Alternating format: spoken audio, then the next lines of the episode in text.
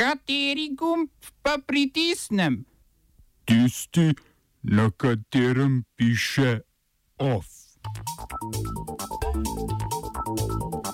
Zaslišanje posebnega toživca Roberta Millerja v ameriškem kongresu. V Hagu zaslišanje nekdanjega kosovskega premijeja Ramuša Haradinaja. Neuspešen prvi krok imenovanja španskega premijeja Pedra Sančeza.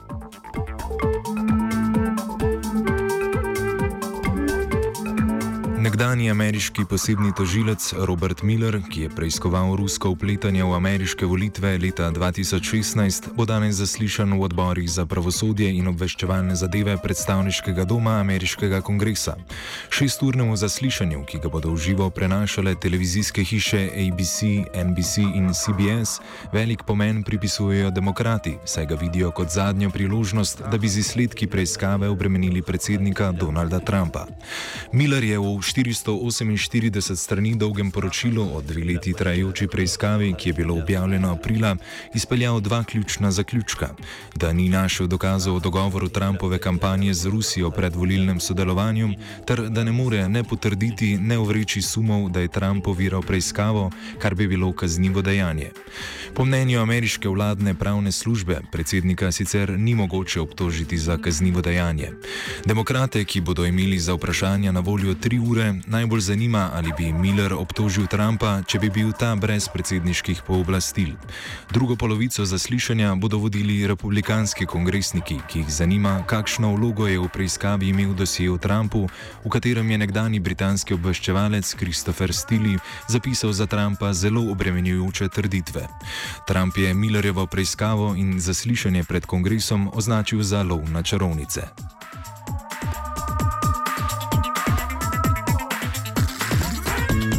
Medtem je včeraj ob močni dvostrankarski podpori 90 glasov za in le 8 proti svojo funkcijo prevzel novi ameriški obramni minister Mark Esper. Esper, nekdani vojak in lobist tretjega največjega ameriškega orožarskega podjetja Raytheon Company, bo na položaju nasledil Jima Mattisa, ki je decembra odstopil z položaja zaradi razhajanj s predsednikom Trumpom. Pred delom za orožarsko podjetje je služil kot kongresni svetovalec za obramne zadeve pod predsednikom Georgeom Bushem. Obdobje med decembrom in današnjim dnem je bilo sicer najdaljše obdobje v ameriški zgodovini brez imenovanega obramnega ministra.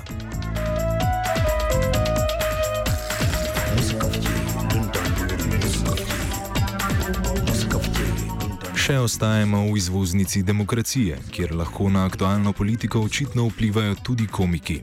Ameriški senat je včeraj namreč po močnem pritisku javnosti, ki ga je sprožil komik John Stewart, z 90 glasovi za in dvema proti potrdil predlog zakona, po katerem bodo žrtve terorističnih napadov 11. septembra 2001 deležne doživljenjskih odškodnin iz naslova sklada za odškodnine žrtvam. Nov predlog zakona hkrati določa, da bodo do odškodnin upravičeni namenjeni tudi tistim, ki v času napadov še niso bili rojeni in njihovi potomci. Sklad, v katerem se je uvodoma nabralo za 6,6 milijard evrov, je hitro začel usihati, ker so zahtevke začeli prijavljati vsi, ki so zboleli za kakršno boleznjo, ki jo je bilo mogoče povezati z življenjem in delom v okolici porušenih stolpnic Svetovnega trgovinskega centra. Zvezdna vlada sicer zagotavlja, da bo sredstev za izplačilo očkodnil dovolj do samo leta 2029. Predstavniški dom kongresa je podoben predlog že potrdil, manjka še podpis predsednika ZDA Donalda Trumpa.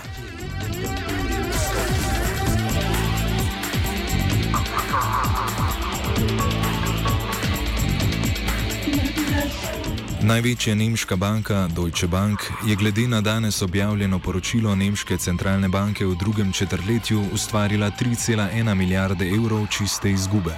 To je 300 milijonov evrov več, kot je banka napovedala ta mesec ob napovedi prestrukturiranja. Načrt prestrukturiranja bo prinesel ukinitev 18 tisoč delovnih mest in zmanjšanje enote za investicijsko bančništvo. Močno bodo prizadete izpostave v New Yorku, Londonu in drugot. Za reorganizacijo se je banka odločila po propadu pogovorov o združitvi s konkurenčno banko Commerzbank aprila letos. Načrt sanacije naj bi izpeljali do leta 2022.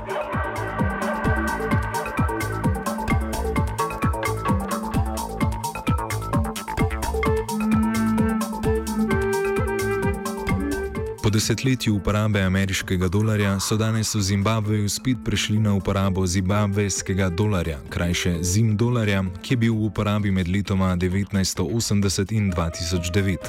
Valuto so leta 2009 v Zimbabveju zamenjali zaradi hiperinflacije, ki je leta 2008 dosegla 98 odstotkov dnevno. Pred uradnim razvrednotenjem in uvedbo ameriškega dolarja kot uradne valute je inflacija dosegala kar 89 trilijard milijard odstotkov. Državljanom, ki so v minulih letih v tamkajšnjih bankah najeli posojila v ameriških dolarjih, so se preostali obroki zdaj pretvorili v zim dolarje po uradnem tečaju v zneske realno nižje vrednosti.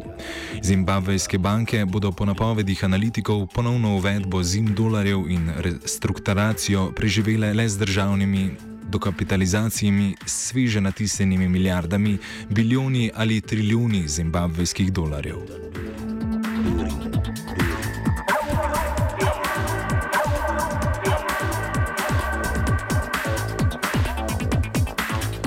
Prvi krok investiture španskega premijeja Pedra Sančeza je spodletel.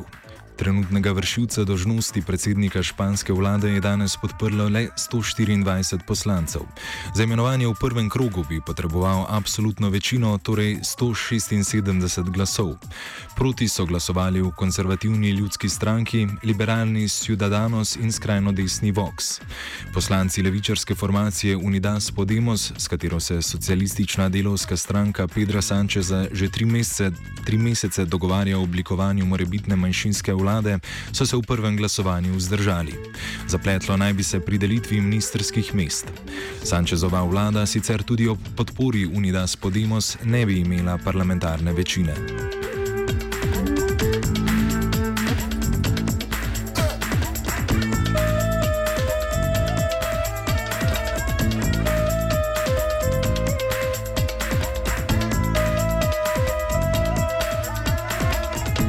Pred posebnim sodiščem za vojne zločine na Kosovo v Hagu je danes potekalo zaslišanje nekdanjega poveljnika osvobodilne vojske Kosova in donedavnega kosovskega premijeja Ramoša Haradinaja, ki je z položaja odstopil prejšnji petek. Sodišče je predtem že zaslišalo bivšega predsednika kosovskega parlamenta Jakoba Krasničija. Po enournem zaslišanju je Haradinaj novinarjem sporočil, da še vedno ne pozna svoje vloge v preiskavi in da o njenem poteku ne bo dajal izjav. Tožilstvo zavrača javno objavo informacij o postopku, sodišče pa povdarja, da preiskava ni javna. Haradinaja je sicer mednarodno sodišče za vojne zločine na območju nekdanje Jugoslavije kot enega izmed poveljnikov osvobodilne vojske Kosova obtožilo vojnih zločinov nad albanskim, romskim in srpskim prebivalstvom na Kosovu med letoma 1998 in 2000. Leta 2008 je bil prvi na, na prvi stopni oproščen vseh obtožb, leta 2012 je sledila dokončna oprostilna razsodba. Premijski položaj na Kosovu je Haradinaj ponovno prevzel v septembra 2017. Predčasne parlamentarne volitve na Kosovu bodo 8. septembra, do takrat bo Haradinaj upravljal tekoče posle.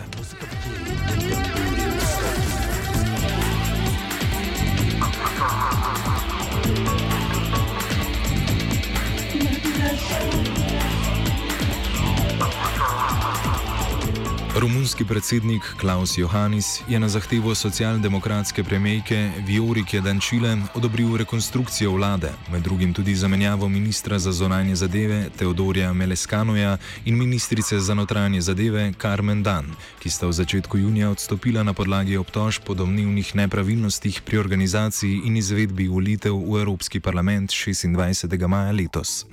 Vodenje zonanjega ministrstva je prevzela Ramona Manesko iz vrst desno-sredinske slovenske vladne nacionalno-liberalne stranke, na mesto ministra za notranje zadeve pa Nikolaj Moga iz vrst socialdemokratske stranke.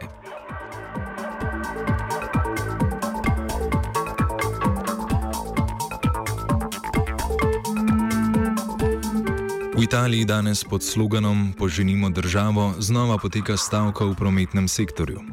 Odpovedani so železniški prevozi v regionalnem prometu, v Rimu je bila popovdne začasno zaustavljena podzemna železnica.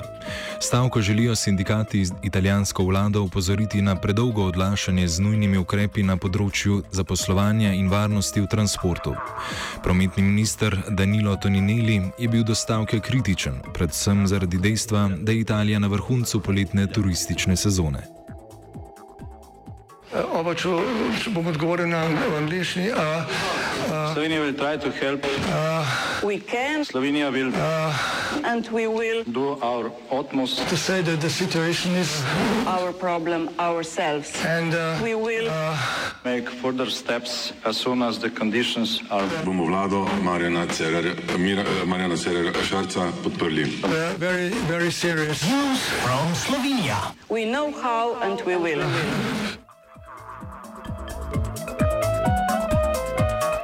Više sodišče v Ljubljani je po pritožbi obrambe nekaterim obtoženim v zadevi Balkanski bojevnik znižalo kazni. Obsodili so jih samo zaradi trgovine s prepovedano drogo, ne pa tudi zaradi hudodelskega združevanja. Med njimi so prvo obtoženemu Draganu Tošiču višji sodniki na mesto 16 let in pol prisodili 15 let zapora. Draganu Belkašu, ki je bil na prvi stopni prav tako obsojen na 16 let in pol zapora, so kazen znižali na 14 let zapora. Jakob Remškarju in Mirzetu Loceviču prav tako za leto in pol na 10 in 5 let zapora. Po uradni dožnosti je sodišče ugotovilo, da senat okrožnega sodišča nekaterim od obsojenih v zaporno kazen ni pravilno uštev časa, ki so ga preživeli v priporu oziroma hišnem priporu. Dva izmed obtoženih, Walterja Abramoviča in Tadeja Poljaka, je više sodišče oprostilo.